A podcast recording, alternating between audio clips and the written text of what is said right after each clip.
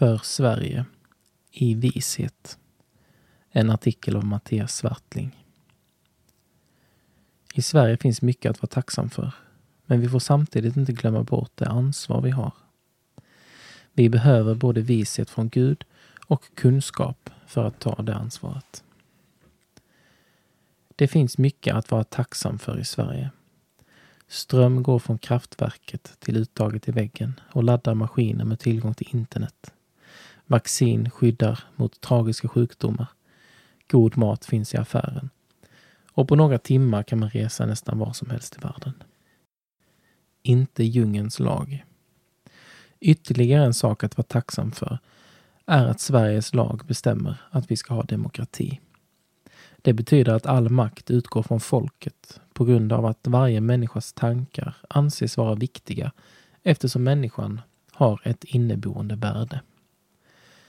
På internet kan man se filmklipp med vilda djur som sliter varandra i stycken. För dessa råder djungelns lag. På samma sätt har länder utan lagar som skyddar varje människas inneboende värde genom historien genomlidit tragiska katastrofer. Ansvar och vishet.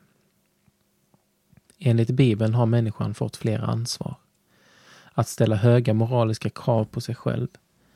Att visa barmhärtighet mot, mot de som är nödställda. Att både bruka och bevara Guds skapade miljö. Gud har givit oss olika personligheter och erfarenheter som gör att vi upplever det ena eller det andra ansvaret mer tydligt. Jag tänker mig att olika perspektiv behövs och de hjälper varandra som höger och vänster hand ungefär. I detta behövs klarsyn och insikt samt en god balans mellan våra olika perspektiv för att vi ska kunna bygga ett gott samhälle i framtiden. Detta kan vi få genom att leva nära Gud och hans ord. Att vörda Herren är början till vishet. Att känna den Helige är förstånd. Ordspråksboken 9, vers 10. Det framgår av historien att Sverige är uppbyggt av människor som ville att denna vishet från Gud skulle forma vårt land och våra lagar. Sök kunskap. För att förstå mitt ansvar som människa behövs alltså denna vishet, men också kunskap. Den klokes hjärta staffar kunskap och de visas öron söker kunskap. Ordspråksboken 18, vers 15. Sverige behöver helt enkelt kloka och kunniga människor.